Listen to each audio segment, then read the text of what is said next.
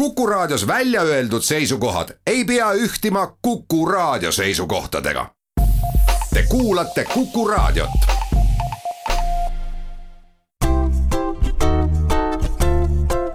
patsiendiminutid, Patsiendiminutid toob teieni Eesti Patsientide Liit. tere, head Kuku Raadio kuulajad mina olen Kadri Tammepuu ja täna on meil külas üks patsient, kelle soolestik mängib vingerpusse. taolisi inimesi, kes põevad kroonilisi soolepõletikke, leidub aga palju rohkem. mida need haigused inimestele kaasa toovad ja kuidas kõrvalseisjad saavad neid aidata, sellest me täna räägimegi. meie tänane saatekülaline on põletikulise soolehaiguse seltsi juht Janek Kapper. tere tulemast saatesse, Janek! tere! No arstidele õpetatakse nüüd ülikoolis äh, patsiente nägema kui persoone koos oma murede ja rõõmudega, mitte eristama neid äh, kui see haigus või teine haigus, nii nagu vanasti käis. mis mees teie olete, millega te iga päev tegelete ja leiba teenite? mina töötan taksojuhina. olin kakskümmend aastat äh, elektrimootoreid valmistanud ja otsustasin pöörata lehe aga kahjuks tuli pandeemia peale ja ei sattunud just kõige õigemale hetkele see otsus. täna sõidan taksot ja püüan leida uut väljakutset elus. no kuidas see taksondus üldse praegu toimib, kas äh, klientidel peavad maskid ees olema? tänasel hetkel peavad olema klientidel maskid ees kui ka juhil, aga paraku mitte kõik ei kanna maski, aga aga kahjuks ei, ei saa ka nõuda, olgem ausad, sest muidu klient väljudes võib sulle halva hinde panda ja lõpuks pannakse üldse sinu konto kinni jah, nii ta kipub olema, et äh, klient eelkõige. aga kui me tuleme selle meie tänase teema juurde lähemale, siis äh, teil on endal ka üks põletikuline soolehaigus. kuidas äh, tavalised inimesed selle soolehaiguse enda juures avastavad?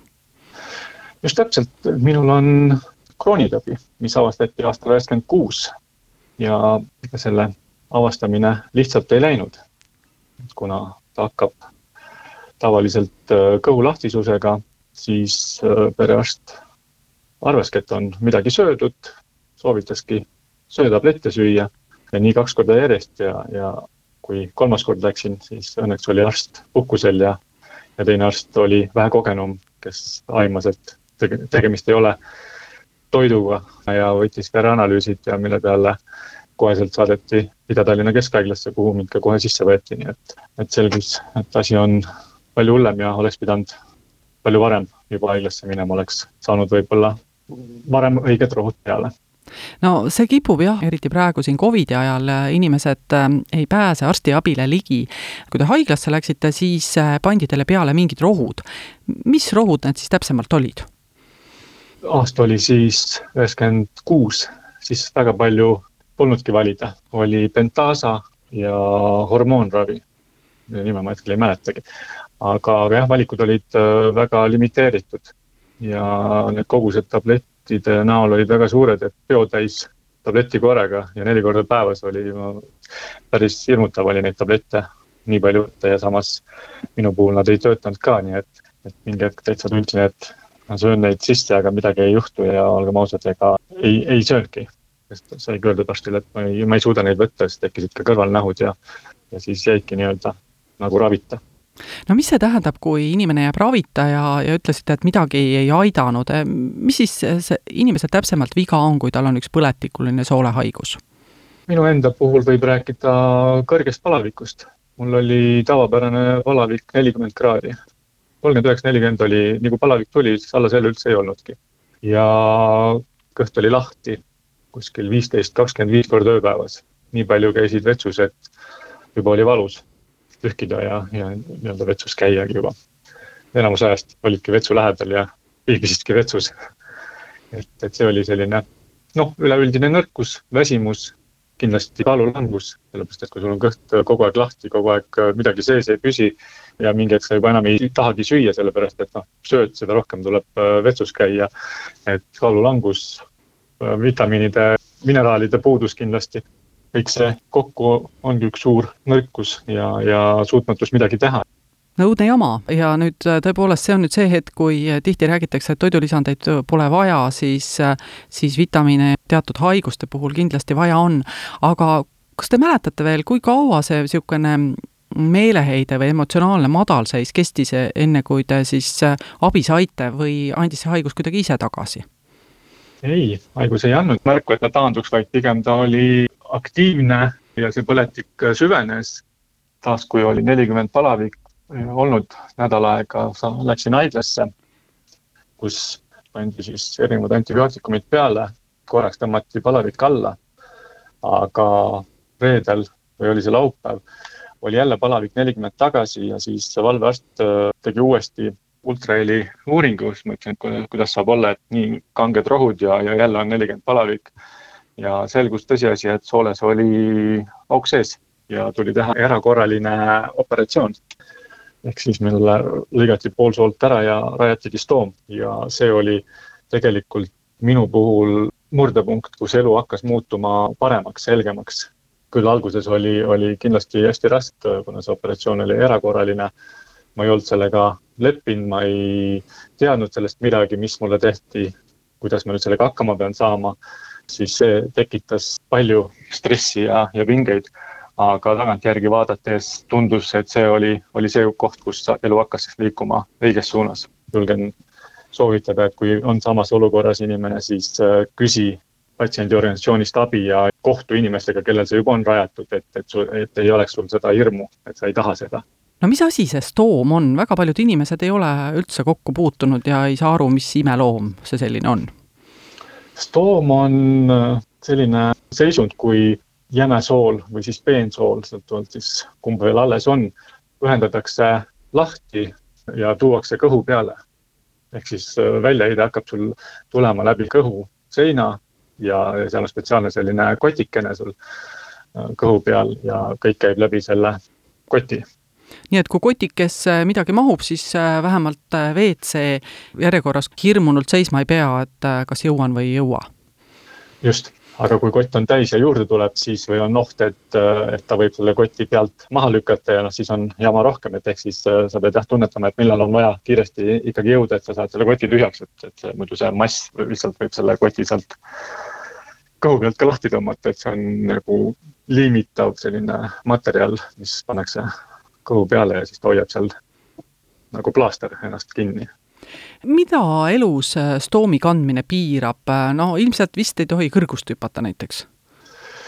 tegelikult ta ei piira väga palju midagi, et võib hüpata ka kõrgust ja olla ka kulturist näiteks, tõsta raskuseid, aga kõike teha mõistusega ja noh, ütleme nii, et tuleb ikkagi arvestada sellega, et kuna operatsiooni käigus on üldjuhul, noh, sõltub muidugi operatsioonist, et kui on nüüd see avatud lõikusega, minu puhul oli, siis see kõhulihased on lahti lõigatud, need kohad on õrnad, et sul võib tekkida song. kui sa nüüd hakkad seal raskuseid tõstma ja asju, lisaks, lisaks see stoom ise, see, kui on läbi kõhunaha toodud, et, et sealt võib jälle tekkida song, et tasub olla pigem ettevaatlik. aga selliseid äh, lihtsamaid asju ei tasu karta, et, et ta otseselt ei, ei piira. mina olen käinud ujumas ja rannas ja, ja see on jah, et kui vaim on valmis ja oled julge, siis, siis noh, las need inimesed vaatavad. no nii on ja, ja tõepoolest kõige tähtsam on ikkagi see, et äh, saada igapäevaelu elada. aga enne seda, kui stoomi ei ole paigaldatud või ütleme, mõnedel inimestel ka ei paigaldata, on ju tõepoolest ikkagi see WC-sse õigel ajal jõudmise mure. kui palju tuleb seletada inimestele, et vot minul on WC-sse minekuga kiire, sellepärast et mul on teatud haigus ja see ei kannata kojuminekut oodata ja tulebki just nimelt siin ja praegu kasutada mõne avaliku hoone tualetti? ma arvan, et kui mul see vajadus vetsu minna tuleb, siis mul ei olegi väga palju aega seal seletada. et äh, ma lähen, küsin, koheselt on näha inimese reaktsioon, et kas ta on vastutulelik, pakub ta kohe, et jah, näed, kasutage meie vetsu või mitte. et mul ei ole aega jääda tegelikult sinna pikalt vaidlema ega lootma et siis ma juba tormangi teise kohta, sest muidu võib juhtuda, et ma lihtsalt ei jõua enam sinna teise kohta teeme siin väikese pausi. patsiendiminutid. patsiendiminutid toob teieni Eesti Patsientide Liit oleme pausilt tagasi ja rääkisime saate esimeses osas Janek Kapperiga põletikuliste soolehaigustega inimeste probleemist, kuidas õigel ajal tualetini jõuda WC-sse kiiresti jõudmine ei ole ju ainult soolehaigustega inimeste probleem, mõnikord on sama probleem näiteks ka rasedatel või teatud vähiliikide põdejatel. olete mõelnud, mida ette võtta selleks, et, et kuidagi kas siis teadlikkust tõsta või inimesed teaksid, kuhu minna ja kus need WC-d asuvad? jah, oleme Eestis tõstnud teadlikkust sellise asjaga nagu WC-kaart teistes Euroopa riikides on see juba ammu olemas, aga Eestisse jõudis see meil kakskümmend kahekümnendal aastal. ja täna käibki aktiivne töö, et kui nüüd see pandeemia on tõmmanud natukene pidurit peale erinevatele tegevustele, aga juba on osad WC-d meil olemas koostööpartnerite näol. WC-kaardi näol ongi siis tegemist, on selline nagu pangakaart. mõte on selles, et kui nüüd mõnel kauplusel või hotellil või kellelgi ei ole avalik vets et igaüks tänavalt nii-öelda tuleb. et ta ei taha, et, et oleks nagu reklaamitud, siis ta võib võtta meiega ühendust või, või meie võtame temaga ühendust ja saame kokkuleppele ja me paneme selle tualeti oma kodulehele ülesse. et see on WC-kaardiga ligipääsetav tualett, ehk siis kui meie liige või siis mõned muud patsiendiorganisatsioonid, kes on tulnud kaasa selle WC projektiga, näitavad seda WC-kaarti antud asutuses, siis nad saavad kasutada nii-öelda oma töötajatele mõeldud tualetti. et seal ei ole siis, et sa pead hakkama rääkima või, või selgitama, et sul on nüüd selline haigus ja sa tahaksid minna vetsu, vaid piisab, kui sa näitad seda kaarti ja sind lastakse ilusti tualetti. no samas, kui mõelda, siis maksumaksja rahaga ehitatud tualetid avalikes hoonetes võiksid ju kõik selleks otstarbeks sobida, et hädalisi aidata. no just, et tegelikult see ju nii peakski olema, et mitte ainult avalikud vetsud, vaid ka need äh, puudega inimeste vetsud, mis tegelikult on ju lukus. ja, ja siis see puudega inimene peaks minema siis administratsiooni või, või valvelauast või jumal teab, kuskohast seda vetit otsima ja veel pärast tagasi viima, et. et minu jaoks on see nagu arusaamatu, et tavaline terve inimene, noh, temal on siis äh, üldjuhul see uks võib-olla lahti, aga invavets on alati lukus. äkki on võimalik kuidagi ikkagi nii teha, et, et see puudega inimene ei peaks käima ja küsima vetsu tavainimese käest me ju seda ei nõua, et igaüks peaks tulema ja küsima võtit, et kuule, ma tahan minna tualetti no muidugi, eks seal on natukene see korrashoidmise probleem, et võib-olla tulevikus saab võtta ka appi näiteks sellesama kaardiga või mobiiltelefoniga teatud koodi, mis avab mõne luku. aga kujutame nüüd ette, et inimesel on tõesti vaja kiiresti vetsu pääseda, kuidas ta siis ikkagi selle vetsu üles leiab, vaevalt et ta kusagile kodulehele keset tänavat minema hakkab? meil täna kahjuks ei ole endal finantsi, et seda teha, aga mõte on teha üks selline mobiilirakendus, mis tuvastab sinu asukoha ja siis äh, näitab sulle kõige lähemal asuvaid vetsusid. et siis sa saad ise otsustada, et kas sa tahad seda WC-kaardiga või avalikku vetsu ja ühe nupuvajutusega vajutad navigeeri ja ta juhatab sind kohe sinna vetsu juurde, sest teadmisest jah, et siin kuskil kolmanda maja on tualett, aga sinna sa minna ei oska sest no sul on ärevus, kas sa jõuad või ei jõua, võib-olla pöörasid vasakule, oleks pidanud minema paremale, siis sellest mobiiliäpist oleks väga palju kasu. aga täna jah, kahjuks meil seda veel hetkel ei ole, nii et kui keegi tahab õlga alla panna, siis minu kontaktid on alati leitavad ja olen tänulik ja no see on see soolehaiguste ähm, seltsi koduleht äh, ja seal Just. on kontaktid olemas mm. -hmm. nüüd, ähm, kas te teate ka, kui palju teil saatusekaaslasi on, kas Eestis on kokku loetud, kui palju on näiteks haavandilise koliidi või kroonitõve haigeid? kahjuks sellist ühte registrit ei ole, aga gastroenteroloogide poolt on välja öeldud selline arv nagu kaks tuhat viissada haiget ja kümme uut haiget saja tuhande inimese kohta mõlema haiguse puhul siis peaks iga aasta olema, kes saavad värskelt diagnoositud. et kui me kaks tuhat viisteist alustasime, oli Euroopas kolm miljonit, siis kakskümmend aastal oli juba viis miljonit.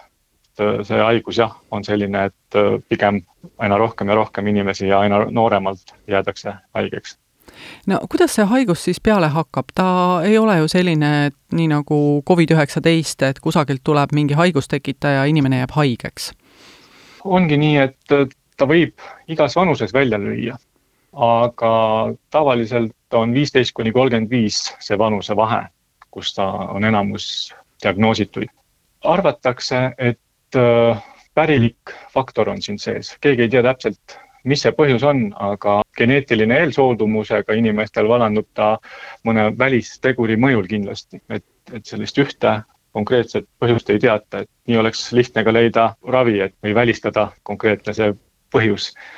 isiklikult usun või arvan, et äh, ületöötamine, närvilisus, ärevus, väsimus, vähene magamine on kindlasti ühed, mis, mis aitavad sellele kaasa see, mida te praegu kirjeldasite, ma usun, iseloomustab väga paljusid inimesi rohkem kui eh, ka need soolehaiguste põdejad. tegu on siis tõepoolest ilmselt siis selle autoimmuunse reaktsiooniga, mis tähendab, et keha ise mingil hetkel hakkab inimese soolestikku ründama. just, et äh, täpselt nii, et äh, organism hakkab iseennast hävitama kuidas te kogu selle vaimse poolega seltsiliikmetega toime tulete, sest nagu te ütlesite, et kui inimene on rahulikum, siis väga tõenäoliselt on ka see haigus rahulikum. kas äh, on teil ka mingeid häid nippe, käite koos või on teil võimalik saada ka teatud psühholoogilist tuge? no ennem pandeemiat oli meil iga kuu kohtumisõhtud Tallinnas ja Tartus, kus siis iga liige või sa ei pidanud ka olema liige, et see oli avalik üritus, et sa võisid tullagi ja kohtuda meiega, küsida oma küsimusi, rääkida oma murest et sa tuled ja, ja tunned ennast omasuguste seltsis turvaliselt ja päris paljud seda kasutasid. nüüd kahjuks oleme me pidanud minema virtuaalkohtumiste peale ja eks kindlasti see üksinda olemine selle haigusega on viimased poolteist aastat olnud päris raske. tänasel päeval igaüks vaatab ise, kuidas ta saab psühholoogi juurde.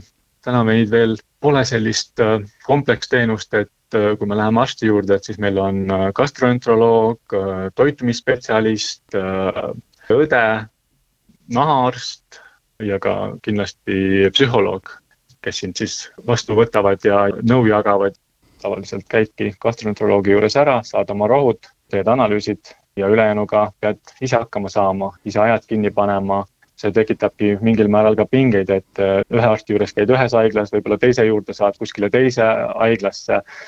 et selline koostöö arstide omavahel, ehk siis, et arstid oleksid samal lehel nii-öelda, kõik teaksid sinu seda tausta, sinu hetkeolukorda, mis asi mõjutab mida, et sellest me tunneme täna puudust, aga kahjuks on neid patsiente veel niivõrd vähe, et äh, sellist meeskonda kokku panna ainult meie jaoks äh, ei ole rahaliselt äh, otstarbekas loodame, teie ideaal lõpuks realiseerub ja ravimeeskonnad kokku pannakse, mitte ainult selle hinnaga, et haigeid tuleb juurde, vaid et see kõik juhtub varem.